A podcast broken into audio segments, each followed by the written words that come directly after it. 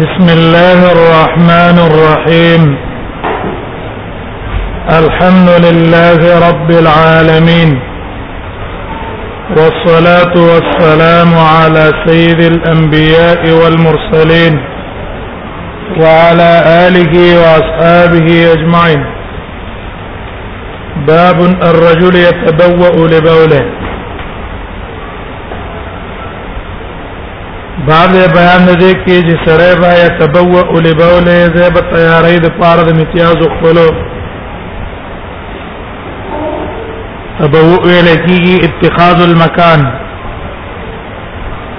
دیو ځای جوړول او د دې نه مباعات هم ماخوذ ده په معنا د منزل کور چې پاک شپه تیریږي حدیث ته حدثنا موسى بن اسماعيل قال حدثنا حماد قال اخبرنا ابو الطياح قال حدثني شيخ دا شیخ مجهول له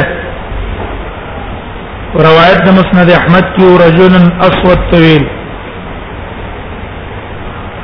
دا یو سړی دی اسود رنگ نه تور دی طويل بدن نه اوږد دی لیکن په دې صفاتو باندې جهالت دا ختمي نه بیا مجهول له و زهریش کې مجبور سره راغی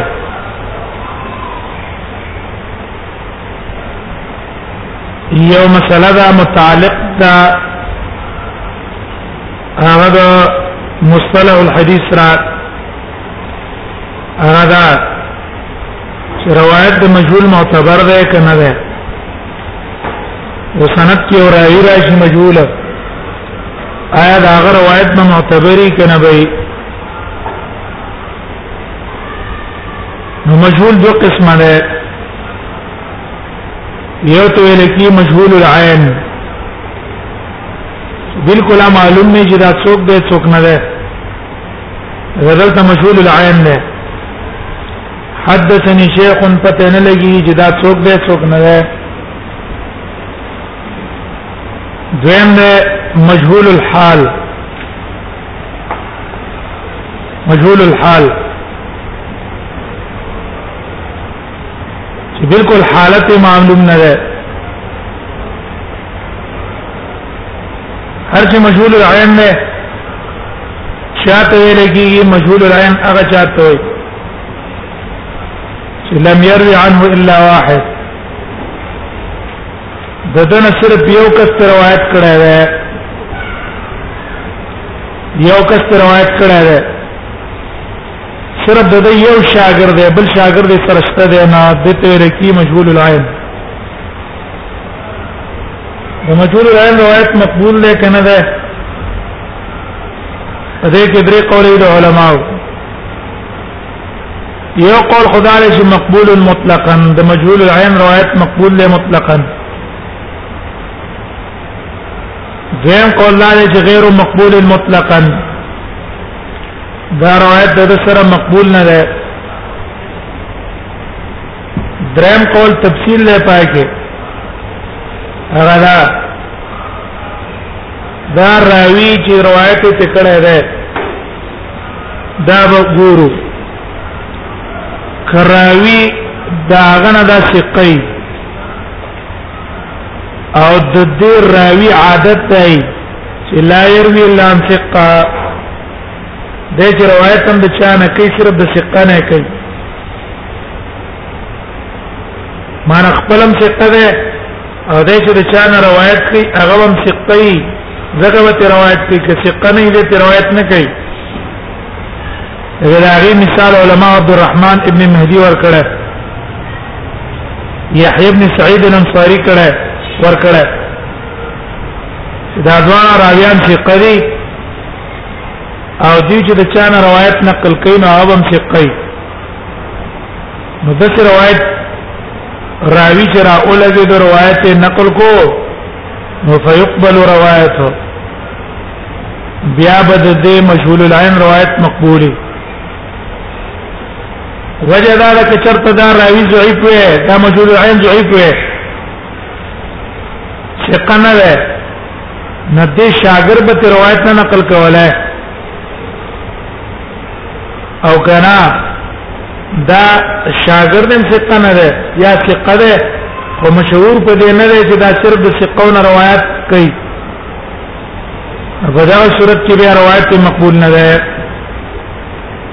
شاګرد ته وګورو دا مشهور العلم کې درې قوله دویم به مجهول الحال مجهول الحال هم دوه قسمه ده یو ده مجهول الحال ظاهرا و باطنا ظاهر کې پته نه لګيږي باطن کې پته نه لګيږي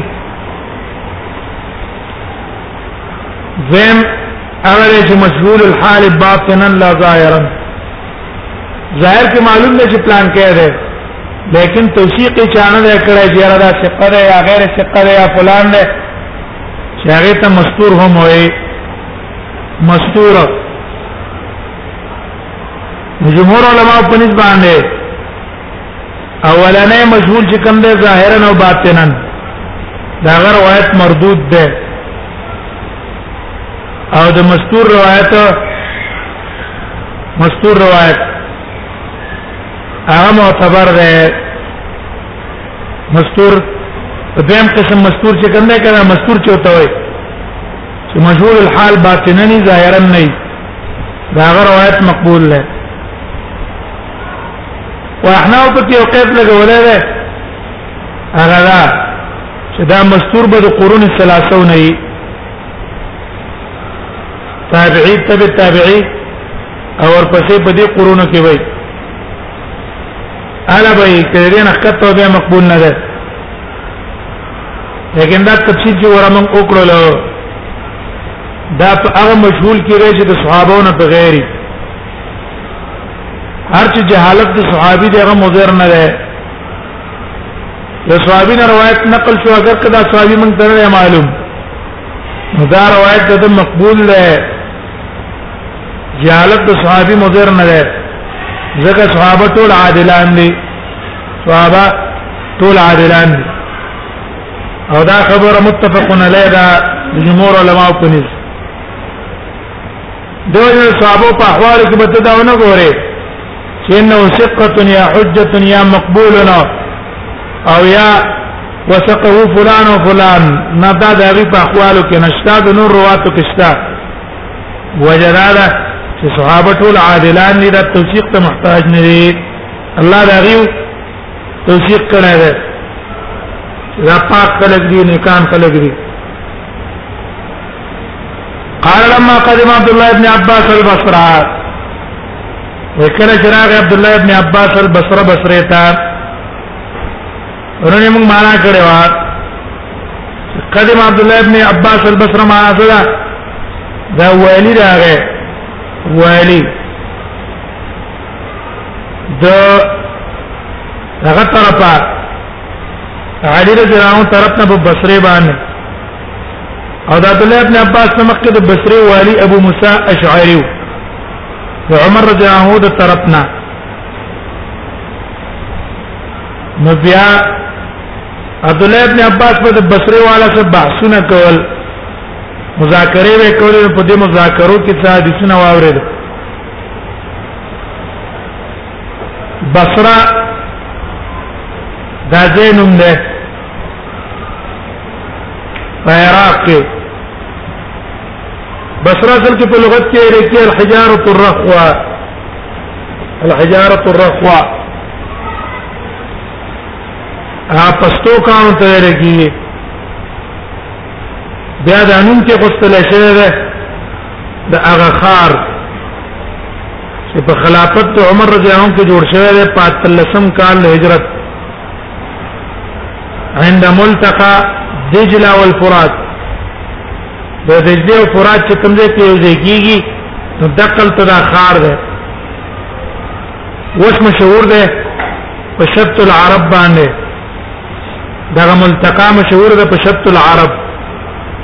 دا دغه خار نوم بصره بصره ده وکړه چې بصره ته راغې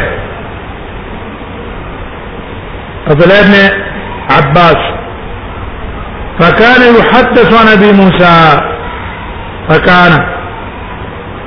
هو د عبد الله ابن عباس حدثه د تبادیس بیان کېدل شو نه به موسی دا به موسی انا چې به موسی رضی الله عنه دا پلان کې دي سپیره دا پلان کې دي سپیره مخه مو ویل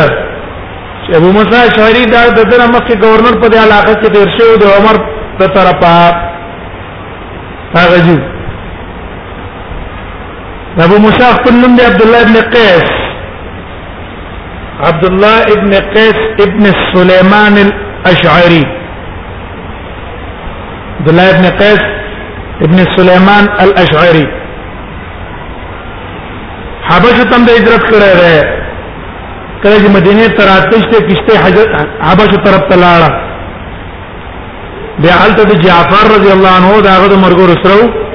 او شریک باندې بیا مدینه ترال رسول الله صلی الله علیه وسلم خپل زمانہ کې د زبیر او د عدن علاقه عامل مقرر کړو استعمله على زبیر و عدن او د عمر رضی الله په زمانہ کې د بصره او د کوفه والیو دغه خصوصیات په کې دا دي چې کان حسن الصوت الله له قستا واز ور کړو نبی صلی الله علیه وسلم له تلاوت واوریدو نو تویل لقد اوتیت مزمارا من مزامیر آل داود ابو موسی تا ته د کلیشه ده هغه شپېلې د شپېلو د آل داود نه الله دې خستا واز درکړه دوري نه عمر رضی الله عنه ابو موسی اشعری ته ویل راځه وشوقنا الى ربنا زمونږ شوق پر رب ته پیدا کړ مانا قران اوایا چې دا غي د وجنم الله طرف ته شوق پیدا شي دا به قرات شروع کړو او دیو به تناس کو قرات ته پته کو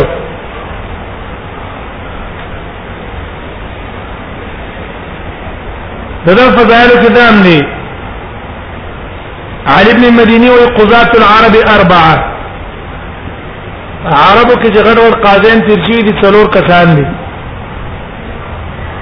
یو پاره کې عمر ده بل پکې علي ده بل پکې ابو موسی الاشعری ده او سلورم پکې زید ابن ثابت ته قضات العرب اربعه علي ابن المديني قول له قضات العرب اربعه دا په قاضیانو کې غلط قاضي عمر علي ابو موسی اشعري او زید ابن ثابت نبی صلی الله علیه وسلم ته دعا کړې و کله چې د هغه ترو بخاری کې بتراش مغازیو کې چې کله نبی صلی الله علیه وسلم د حنین نه اخوا اولېګلو او تاس تا آل ته شهید شو نو ته ویل چې رسول الله په سلام کوایا او ته وایې چې ما ته دعا وکړه د راغی نبی سم ته چې هغه ته دعا کو ما ته موکړه نبی صلی الله علیه وسلم ته کو دعا وکړه اللهم اللهم اغفر لو عبد الله ابن قیس ذنبا یا الله عبد الله ابن قیس ته ګناه معاف کا وادخله يوم القيامه مدخلا كريما او یا الله د قیامت پر ورځ باندې عزت دې ته داخل کړي جنت ته دا فضائل ټول وایتونه چې تنه په کتابونو د حدیث کې نقل لري درې زره درې سوا شپته ټول روایتونه دې نه نقل دي درې سوا شپته روایتونه ته نقل لې متفقون علی روایتونه 50 دي او انفرد البخاری باربع امام بخاری انفراد په څلور روایتونو کړه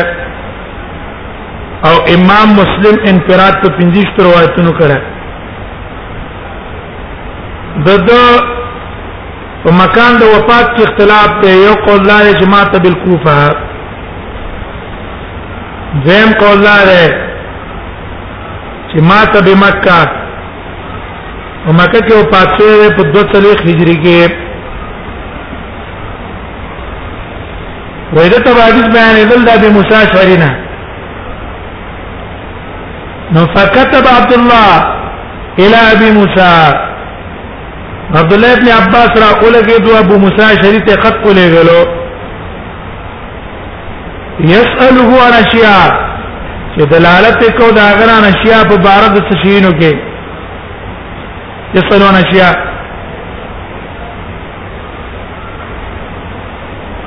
دته کې روایت بل کتابت او روایت بل کتابت درست موږ بیانو چې اي روایت بل کتابت معتبر ده کنه یسأل عن اشیاء ته پوښتې ته کو په بار د تشینو کې فكتب الي ابو موسى ابو موسى تخط الي غلو فاخذت تداؤل اني كنت مع رسول الله صلى الله عليه وسلم ذات يوم ويزيد رسول الله صلى الله عليه وسلم ورجما ورئيس تو غوري اوله جمله دلالت کوي په دې چې سلون اشیاء عبد الله ابن عباس په دې خط کې د ډېرو احادیث په باره کې تپوس کړی دی ډېرو احادیث دا دې څنګه ده دا دې څنګه ده دا دې څنګه ده لیکن رسته جمله دلالت کوي په دې چې فكتب الي ابو موسى اني كنت مع رسول الله ذات يوم ابو موسی شریف ته صرف دا حدیث لیکل ہے نو ورنه جمله دلالت کوي په دې چې د سوال کې د ډېر احادیث مطالبه کړي ابو موسی شریف له جواب دی حدیث ورکړه نو به کې احتمال لا ده کې دې چې ابو موسی شریف ته صرف یو حدیث لیکلی او دا نور جواب او تنی ور کړی اگر کبو موسی اگر کبد الله ابن عباس هغه ته پوس کړی دی لمصلحتن دې کې به مصلحت د مصلحت په بنا باندې ابو موسی اشعری د ټول احادیث جواب ورنکړو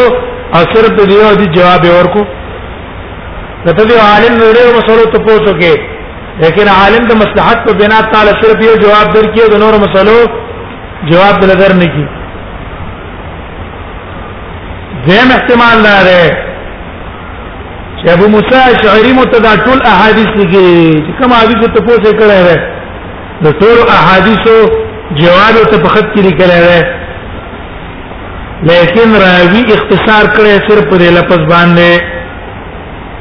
صرف په لفظ هغه نور ذکر کړی نه دی فكتب الي ابو موسى نو قولي کله ته ابو موسی چې انی كنت مع رسول الله صلی الله علیه وسلم ذات یوم وزه رسول الله صلی الله علیه وسلم ورځما ذات اکثر په عربی کې مقحم راځي معنی څه نه معنی دی وقت د اوقاتنا وزه رسول الله صلی الله علیه وسلم په وقت د اوقاتو کېما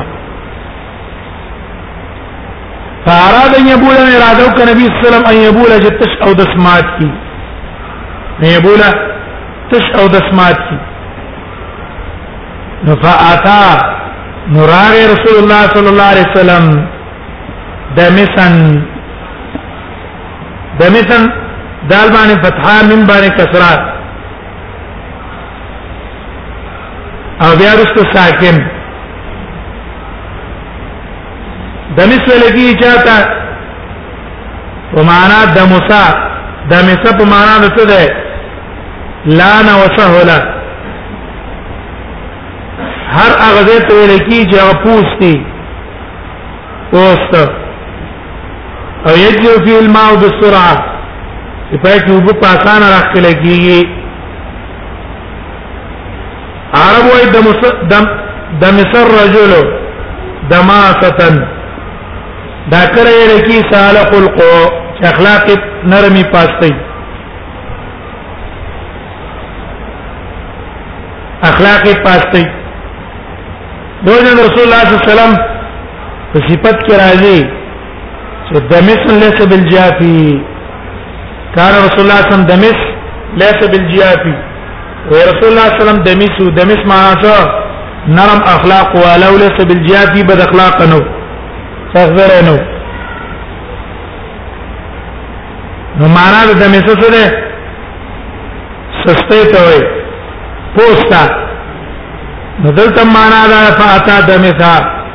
نو راغې یو کوز زیتا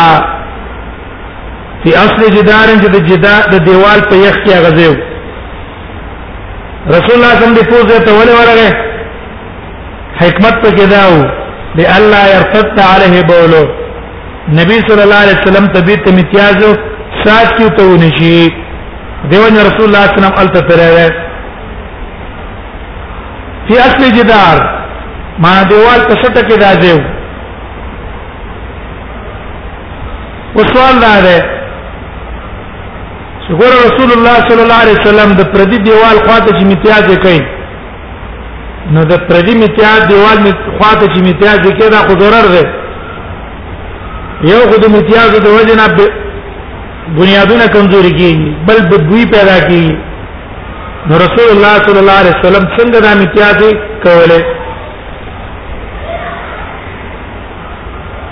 یو جواب خطابی صاحب کړه خطابی صاحب وايي يشبه ان يكون ذلك الجدار غیر مملوک لاحد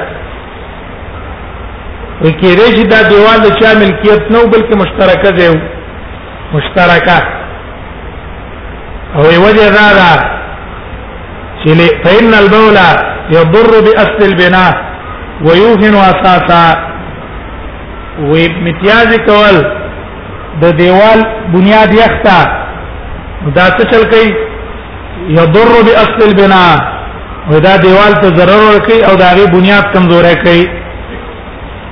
او نبی صلی الله علیه وسلم چې لا يفعل ذلك في ملك احد وهو صلى الله عليه وسلم لا يفعل ذلك في ملك احد نبی صلی الله علیه وسلم د چا ملکیت صدا کار نه کوي چې هغه ته ضرر ورسي دویم احتمال دا هم ده او یکون قعوده متراخیرانو یا کې دې رسول الله صلی الله علیه وسلم دیوال نبی خواناسته بحيث لا يصيبه البول امتیاز یې ته نه رسیدل راوی ګمان دا وکړي چې رسول الله صلی الله علیه وسلم دا غینه تعبیر کو په اصل جدار راوی را اولګره دا غینه تعبیر کو په اصل جدار یعنی دیواله اقتنه ده ناس دریم احتمال چې دا ویلې دریم احتمال چې او کان الجدار الخربا د امام نووي دا خبره څه دی ته کړې چې دا دیوال اصل کې قران یو کندې ورته دلې نه پاتې کړې به میته دې کولې هیڅ خبره نه بل جواب نووي څه دا کړی دی چې عالم رضا صاحب الجدار وی سم ته پته وایي دا سره ته خپکیږي نه اوس دې جواب په بنا باندې من تاسو کله شو تلاش د خلکو پټو کې او د سماته نو آیا دا په تصرف په ملک د غیر کې کنه وای نو دا تصرف په ملک د غیر کې دی لیکن عرب کې بدی څوک بد نه وای عرب کې بدی څوک بد نه وای پټو والا دا نه وای زما پټي کې چاوله ته شو د سمات کو یا په کډه کو د چاوله مات کو نو کله چې عرب کی اجازه یا د هغه لوټه تر اخلي د پټي هغه لوټه ته په استنجا کې استعماله نو پټي والا په دې بد نه وای نو دیو جن دا تصرف جایز ده دا څنګه روانه ده فی اصل جدار فبال نبی صلی الله علیه وسلم ته شو د سمات کو ثم قال بیا رسول الله صلی الله علیه وسلم کو فرمایلو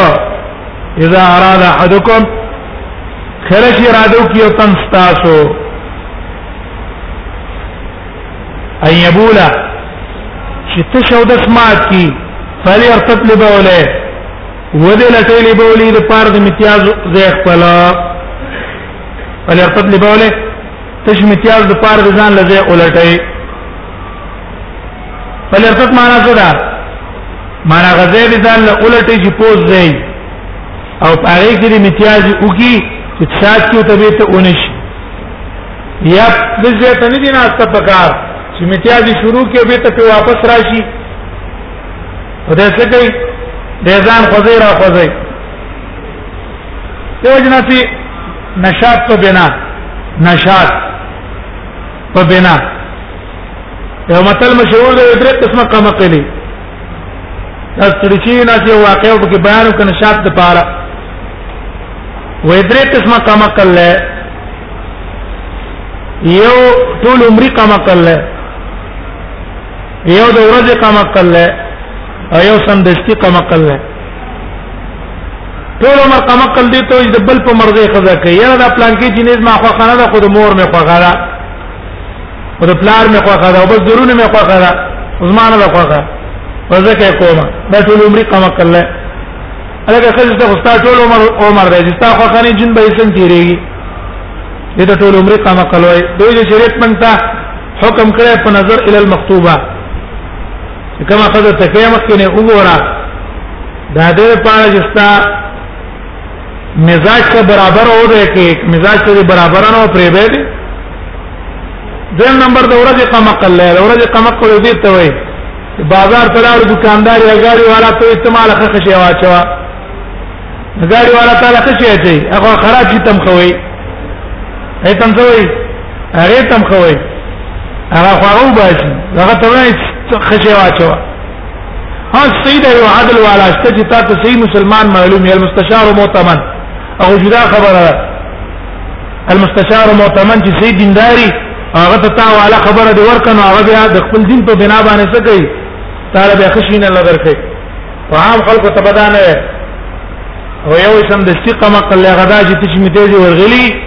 او دې ته کینې چې دې ټوچتي او دا تلان دي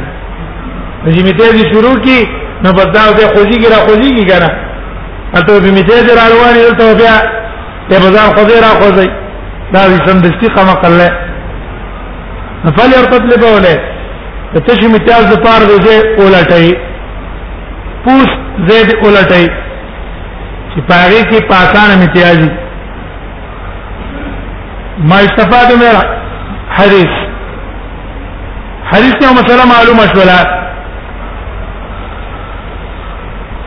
جواز الروايه بالكتابه جواز الروايه بالكتابه په کتابت په ضرورت باندې ګور روایت جائز شو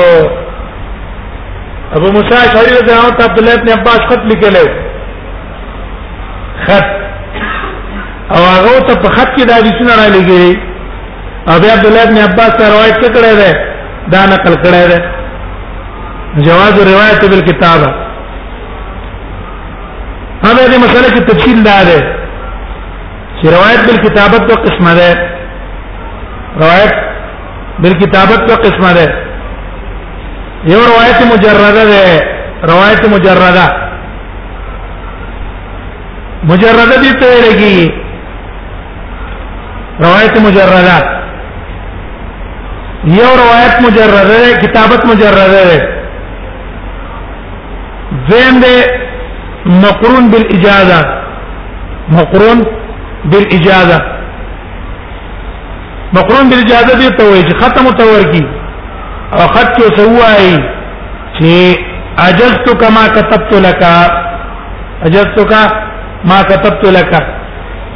دا کوم احادیث چې ما تا ته په خط کې در اولېګل د دې ټول پر روایت کې ما تا ته اجازه کړې د دې روایت کوا اجازت لك ما كتبت لك دا مقرون شو او دغه دې ته مجرده چې صرف احادیث ته اولېږي مکتوبه بغیر د اجازه نه دا ته نو چې ما تا ته اجازه کړې د روایت کوا دا ته دا نشته صرف خط او طریقه له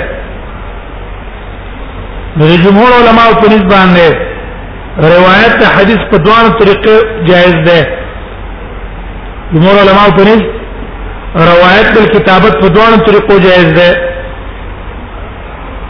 خو په دې شرط چې ګوره مکتوب له به خط کاتب پیجنی چې هغه د پلان کې خط ته او ماته د حدیث را لګیږي بعض علماء په کې بینه شرط کړی دی چې ها د سره به ګوانی په دې چې دا خط اغلی کله دی او تا تیرا لګل لیکن دا قول ضعیف دی هیڅ بینه ته ضرورت څه نه چې کله کاتب خط پیژني ټیک دا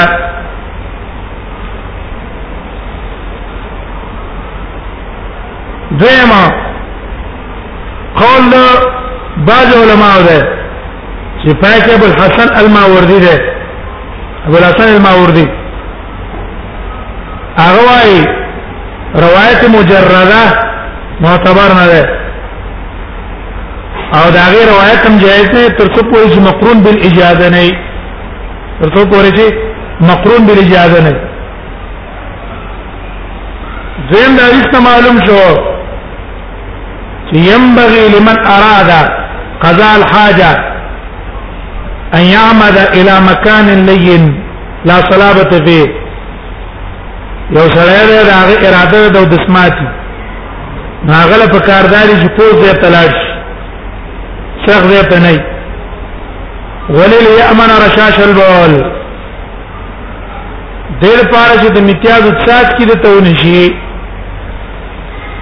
او کاغه به پوس نو په لرګي باندې یا په بل شي دا او چې خې پوس دی کی هم به مسله دا ده چې یو سړی ته د امتیاز څاڅ کې وشي د حکم څه ده حکم رشاش البول د امتیاز څاڅ کو حکم څه ده ابن رسلان وايي چې د امام شافعي مذهب ته عدم العفو مذهب د امام شافعي سره عدم العفو دا چاچ کی بخامه کا انځه برابر خبره کدا په جامو لګیدلی او که په بدن لګیدلی که بدن من چاچ کی ولګیدل ټول دغه ځای به انځه او که په جامو د چاچ کی ولګیدل انځه به امام نووي را لګیدل په شوافیو کې هغه ترجیح ورکړی د عفو لرا ویره وس دا چاچ کې مات دي که په جامو دې اولګې د مين د خیره که په بدن باندې دا چاچ کې اولګې دل انځلر باندې لازم نه دي خیره علت پکې څه حرج وې د دې په وجوب کې حرج ده نو دیو جن خیر کوي نین زرش دا احناف مذهب دور مختار کې نقل کړه ہے چې مذهب د احناف دا ده چې وې دا تاسو کې اذا كان على الثوب او البدن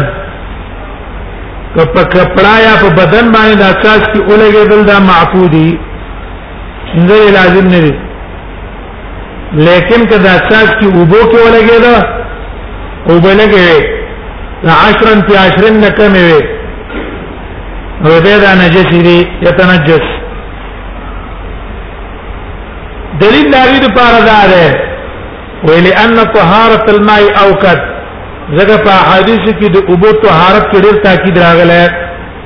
طهارت الماء یو کړ او دلیل دا ذکر کړی چې اوبه سیال دي سیال مایع دي بدون کې دي دلته نجاست ولګېدو دا نجاست سرایت کوي د دې ځای نه نور دیتا دا سیال دي نو دیو جنا د اوبو کې ګندګي او په دې نور کې نه ګندګي دا فرق کړه نو دا ما استفاد من الحديث باب ما يقول الرجل اذا دخل الخلاء باب باندې دې کې چې سړی به کومه دعا وایي اذا دخل الخلاء کله چې ننوځي بیت الخلاء ته ما یقول الرجل دغه ترجمه الباب امام ترمذی می خه با ما یقول الرجل اذا دخل الخلاء امام داوود څنګه یې خه بیا خلا دا نوم ده د پاره د او د سماعتي خلا ویل کیږي ته خپل معنی ده الموضع الخالي هغه ځای چې هغه خالی څوک پکې نه هغه ته خلاوي بیا اکثر او دسمات په خالی ځینو کې نو دې وجنا لفظ د خلا مستعمل شوی د قضاء الحاجت تا برابر خبره ده کدا قضاء د حاجت په خالی ځای کې کې او که په بنیان او آبادی کې کې نورستو خلا دا کنایه د قضاء الحاجت نه هغه ته ویل کی ها په عربی کې دا او د سماج د پاره نور الفاظ استعمال شوی نور الفاظ لکه کنیب لفظ استعمال شوی دی کنیب حش لفظ استعمال شوی لاندې حدیث کې نازل حسوش محتضره مرحاب لفظ استعمال شوی په وجدنا مراحيب قد بنيت رست روایت را روان ده باب کرایت استقبال قبله کې مذهب لفظ استعمال شوی په حدیث کې تیر شوی اذا ذهب المذهب مذهب لفظ چار استعمال شوی اذا ذهب المذهب ابعد نو مذهب اطلاق په کوم شي راغلی په حدیث کې اذا ذهب المذهب ابعد مذهب کې بچتلو څه بشو ابعد لري بلاو دې زموږ د مذهبونو تاسو کوم ډیر استعمال کړ کم مذهب یو کم مذهب هغه د مذهب کوم دي کې استعمال لاغله لپس د مذهب غیر فارم استعمال شوی منفعم لپس استعمال شوی بخاری کې برازي چې وې منافع طرف ته بدلو او دا ټول کنایات دي د قضاء الحاجت نه مصریانو ته وته بیت الادب ته وموي بیت الادب او بیت الطهارت ته وموي بیت الطهارت او حجاز والا ته مستراح هم وي زید راحت قول راجح پر رشاش کې معلوم نشو امام نووي قول هم ذکر کو کنه چې دا معفو ده د وجه حرج نه نه احناف دا مذهب شو د شوافی او مذهب خپل رجحان معلوم شو نو مستراح ته هم وي اوس چې سره بیت الخلاء تنوزی کومه دعا پکار ده هغه دعا بیانې او وجه دا دا چې رسو به علت بیان کی اکثر دلته شیطانان حاضری اسنه چې تاسو تکلیف در اون رسي نو دیو جن دې دعا اهتمام پکار ده وبي قال حدثنا مسدد بن مصرار قال حدثنا حماد بن زيد وعبد الوارث حماد بن زيد وعبد الوارث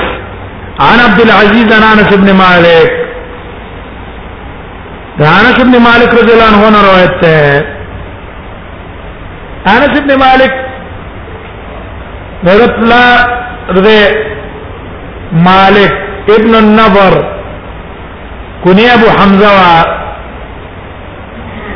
او دا کنیو له نبی صلی الله علیه وسلم اخوا انس پر وای کنا نی رسول الله صلی الله علیه وسلم ببقله كنت اجتنیا وی رسول الله صلی الله علیه وسلم مال دا کنیه خلا ببقله كنت اجتنیا د وجه دی بوټی نه چې ما براش کاو نو رسول الله صلی الله علیه وسلم مال دا کنیه ابو حمزه ته قستا امر کنیه ګور سنت تا کچا د پاره بچی کنه دیو جن مصنف ابن ابي شيبه په باب کې خیر ہے باب التکنی لمن لم یولد لا یو سری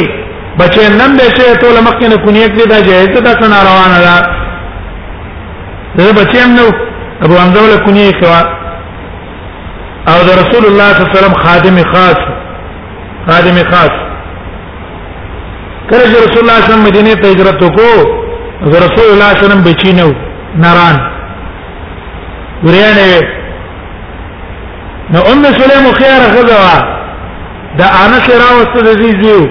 و اے الله نبی هاذا ابني کاتب دا زما زی دې کاتب د ستا خدمت بکای دین علما دا مسله میستا یو سره خپل زی چاله ورکې د خدمت لپاره جائز ده ورم سلیم خپل زی نبی سلام لور کو کنه جائز شو رسول الله صلی الله علیه وسلم لس کال خدمت کړی دی بدر ته ماجر شوی پر راجی قول ولې خپل وای كنت امنح لاصحابي وما مرغو له اوبر اوړي بدري ده بدر ته حاضر شوی دی او نبی صلی الله علیه وسلم دته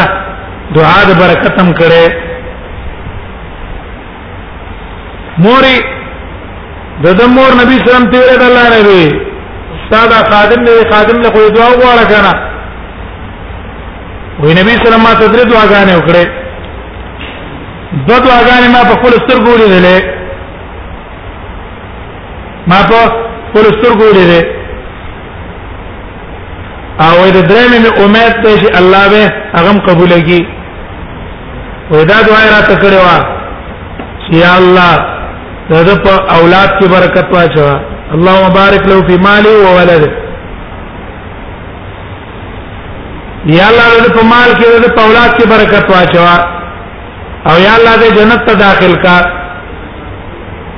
وې اولنې دعا ما اولې دلا د برکت د بچو وې ما الله دونه بشیر اکړو لقد دفنت من صلبي سوا ولد ولدي وای ما چې د خپل شان کم بچی د د پن کړی کم چې ما خپل بچی دي نو سونه په غیر نو دا تقریبا یو سل پنځیش بچی دا ما په خپل لاس باندې په خاور کې خخړې دي نور بچی خو لا پرې را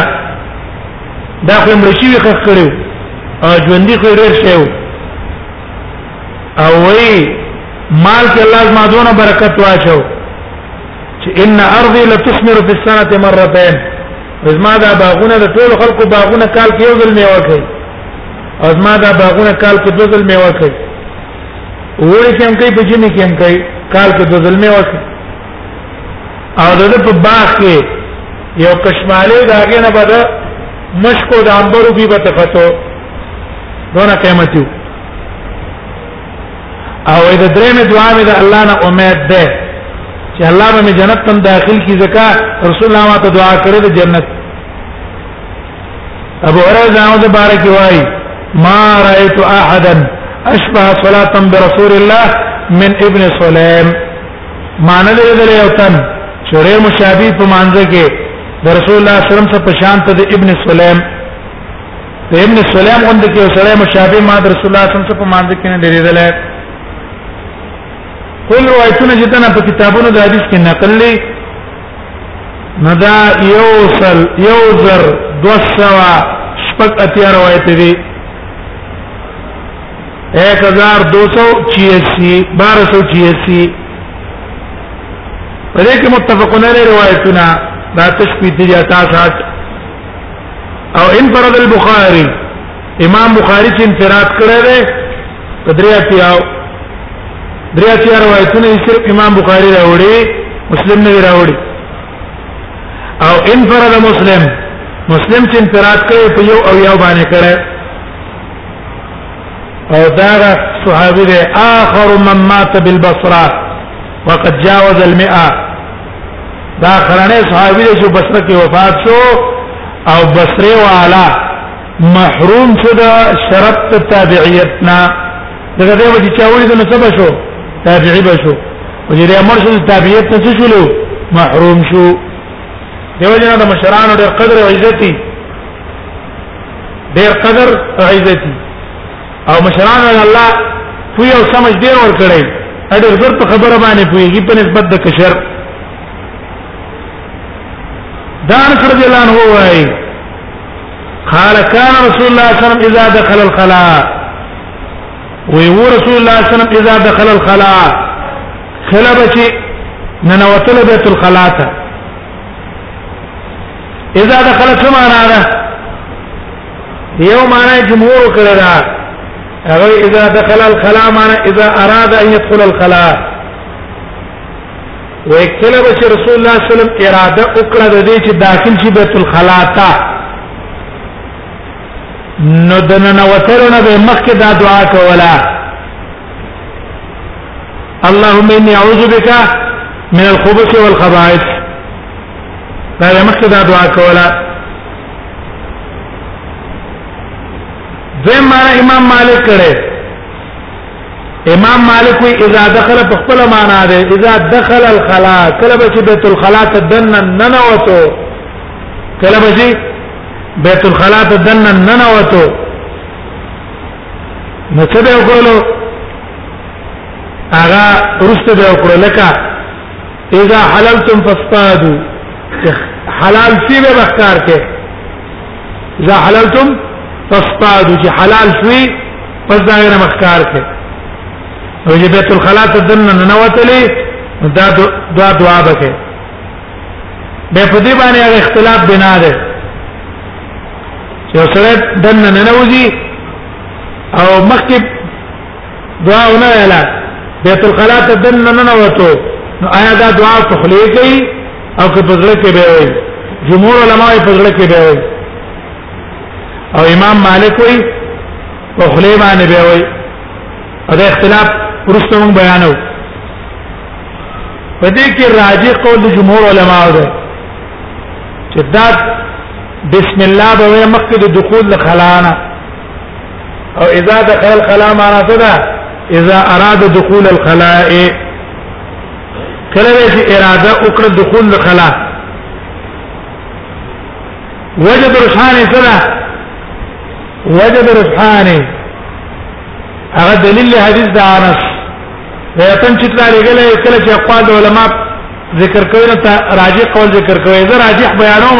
تاسو خیال نه کله چې اقوال ما بیان کړه بیان مې کړه او رښت مې د قولونه یو ځای کړه نا خپل راجحي او چې کله مخکې قول راجح به په هغه تفصیل کوم چې را دا راجح شو دا دلیل کمزور دی هر یو خبره پر دلیل وایو او ځکه قولم پیش کړه قول د جمهور راجح دی وجد رجحان اداره وجد رجحانه دلیل انس ته امام بخاری ادب المفرد کې راوړی انس رضی الله عنه حدیث راوړی ادب المفرد کې چې کان النبي صلی الله علیه وسلم اذا اراد ان يدخل الخلاء قال اللهم اني اعوذ بك من الخبث والخبائث كان النبي صلى الله عليه وسلم اذا اراد ان يدخل الخلاء وې نبی سلام بچ کړه اراده وا چې بیت الخلا ته نه نوځي قال اللهم اني اعوذ بك من الخبث والخبائث نبی سلام به کوم لفظ ویلو اللهم اني اعوذ بك من الخبث والخبائث دا به ویل یو په دلیل دا ده دغه تایید شو بیا په دې امام مالک او د جمهور علما اختلاف منشأ کړه منشأ د اختلاف سره چې امام مالک وایي چې بیت الخلا ته دنه ننوتی نو دا ذکر وکړي او جمهور علما وایي چې نه بیت الخلا ته ننوتونه به مخ کې او کدن ننوتلې نو بیا به تعوذ په ځړه کې په خلی به نه منشا اصل کې د دې یو قاعده ده قاعده قاعده دا ده چې کله تعلیق د مامور به راشي په لفظ د اذا تعلیق راشي تعلیق راشي د مامور به په لفظ د اذا پورې نو دې به حالت دي تعلیق راشي د مامور به لکه ګوره دلته مامور به څه ده اللهم اني اعوذ بك من الخبث والخبائث دا مامور به ده او تعلق راغله په سره دخول پورې کړه اذا دخل القلاع نو تعلیق د مامور به چې په اذا پورې راشي نو درې حالت دي یو حالت ته وجوب اداء المامور به وجوب اداء المامور به قبل مدخول اذا وجوب اداء المامور به قبل مدخول اذا دا اذا چې په چا باندې راغله د دین مخکې مخکې به ته مامور به ادا کې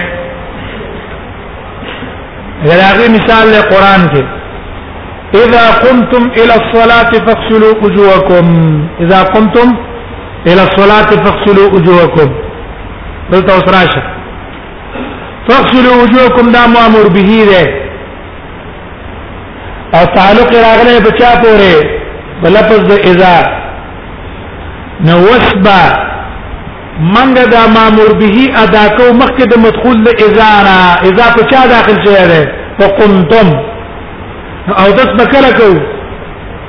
مخکې د قیام نه کرسته د قیام نه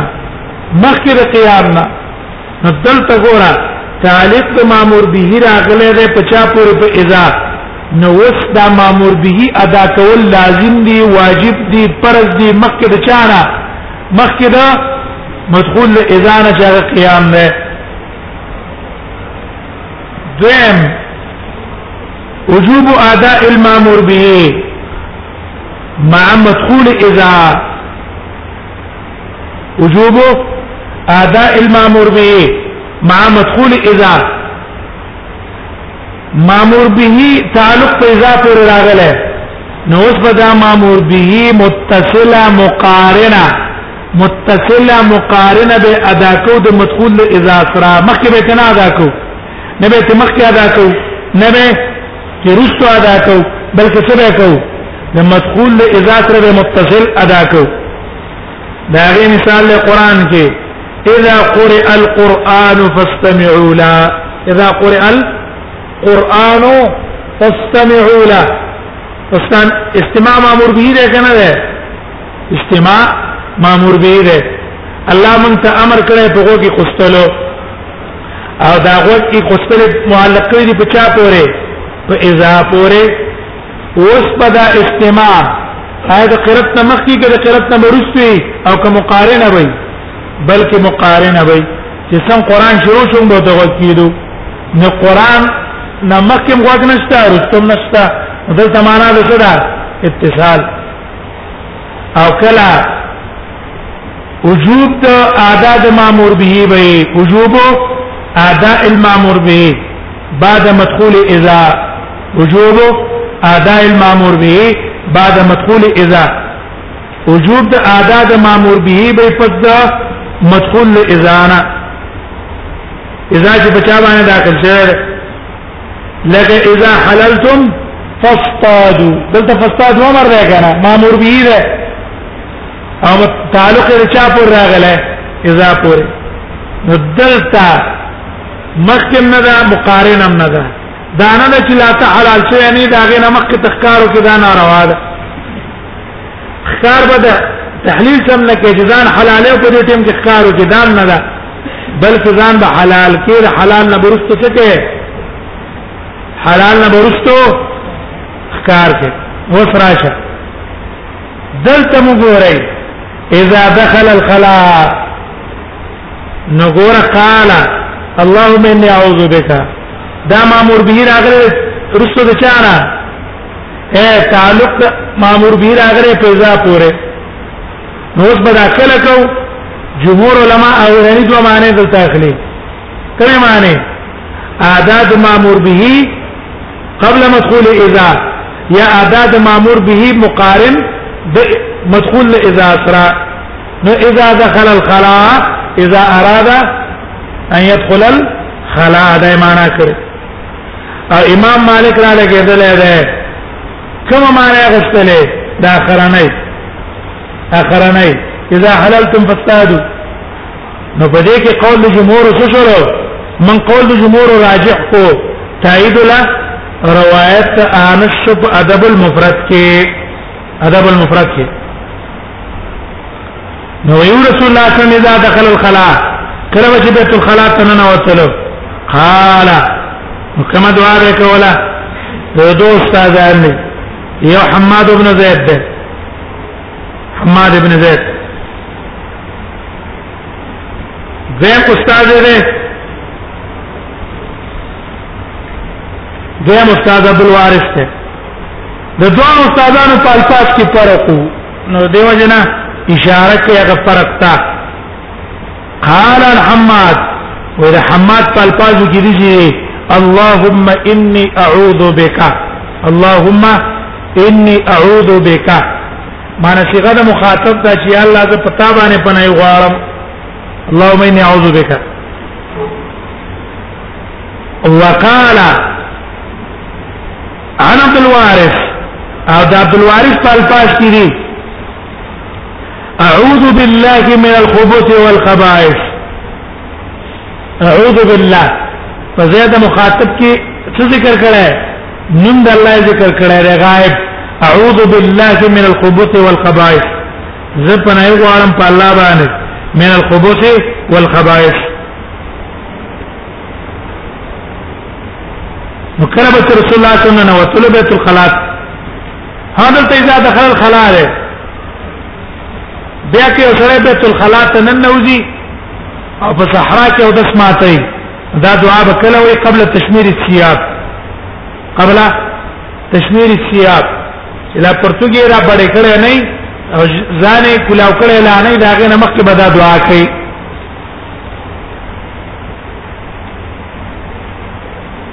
به په دغه اختلاف باندې د اختلاف بنا شو چې یو سره بیت الخلا ته ننوتو یا تشمیر الثياب وکړو او د ترست دا دعا را یاد شون اوس بس کې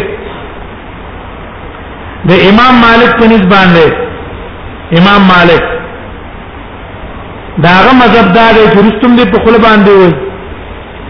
ورستم دي ټوکی په خپل باندې وي او دا د عبد الله ابن عمر نم نقل له عبد الله ابن عمر نه ابن وهب روایت نقل کړی دی وی عبد الله ابن عمر چو كان يذكر الله في المرحاض ويا بيت الخلاء کې دنه الله ذکر کاو همدارنګه د ابن عمر نه چا ته پوښتنه کړلو چې زه پرنګي او کوا نو الحمدلله په مرحات کې دنه وایم کنه عبد الله ابن عمر ته چې آو او دا د ابراهیم النخعی قولم ده ابراهیم النخعی قولم ده دیم کو د جمهور علما ده جمهور علما وايي چې بیت الخلا ته دنه نه نوته له نتبع استعاذه په خله نه ده بلکې په ځړه کې به استعاذه کې او عبد الله ابن عباس او د شعبی نم دا قول نقل له چې بیا په تکلم کول په خله باندې دا ټیک نه ده دا ټیک نه ده راځي قول جمهور معلومیږي چې بیا تعوذ او دا دعا په خلی باندې ول پکار دي د وجه تأدب الله د ذکر نه هم معنا د حدیث ته معنا د حدیث په ان شاء الله سبب یو کونو ځکه اوس وخت ختمه دوه ده